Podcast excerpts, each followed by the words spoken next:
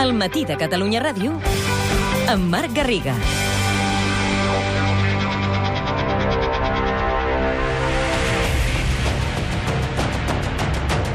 «35 cops de fals». Escenaris del 1714. La Seu d'Urgell. La seu es trobava a la via d'entrada natural de l'exèrcit francès seguint la vall del Segre i, per tant, va ser un dels punts importants amb la defensa de, de Catalunya. Lluís Ubiols, historiador i arxiver municipal de la Seu. Avui la història ens acosta dos noms indissociables, Castellciutat i Josep Moragas.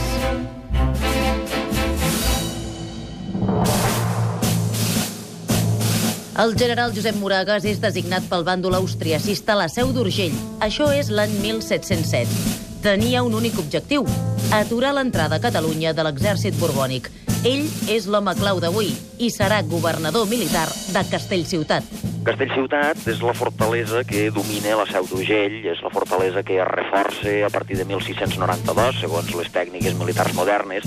No obstant això, el castell s'havia fet molt de pressa i havia patit problemes estructurals que serien crònics al llarg dels segles. Per tant, tot i ser una fortalesa de nova creació, el seu estat no era el, el més idoni per garantir la defensa. Quan arriba Moragas, aquesta és la situació que hi ha a la Seu. En aquest moment, l'exèrcit borbònic envaeix la Cerdanya i, per tant, el Veridà, l'espai entre la Cerdanya i la ribera de, de la Seu, es converteix en una frontera de guerra durant sis anys. És una tensió latent, una de les zones que fa patir més de cara a la possible arribada de reforços francesos cap a, l'exèrcit borbònic que, per exemple, podia estar lluitant a la batalla de Prats de Rei. I el seu exèrcit? Com era aquest exèrcit de Moragas? Estava format per un seguit de regiments, regiments de la Diputació, regiments de tropes estrangeres, i molt especialment en el territori en el que ens trobem tenia una importància fonamental els miguelets, els fusellers de muntanya, aquestes petites quadrilles de tropes irregulars que tenien una gran mobilitat pel territori i que, sobretot, es coneixien molt bé el terreny. Van ser sis anys, sobretot, de desgast, de combat rere combat. No hi va haver allò grans enfrontaments, però sí petites batalles que anaven reduint les tropes de Moragas, menys nombroses que les borbòniques, fins que la seu va caure. Era el 28 de setembre del 1713.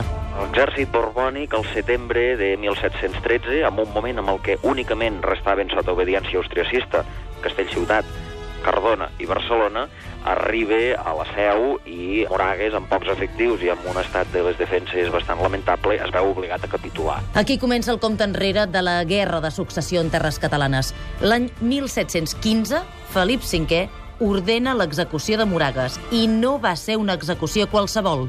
Eh, El que fan és una execució exemplar que serveixi d'excarment.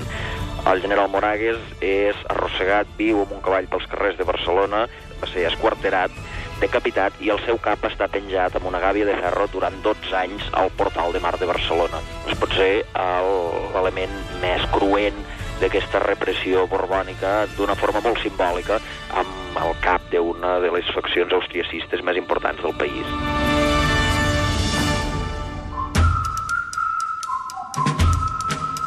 «35 cops de fals». Laia Claret i Clara Jordan amb muntatge musical de Josep Plazas.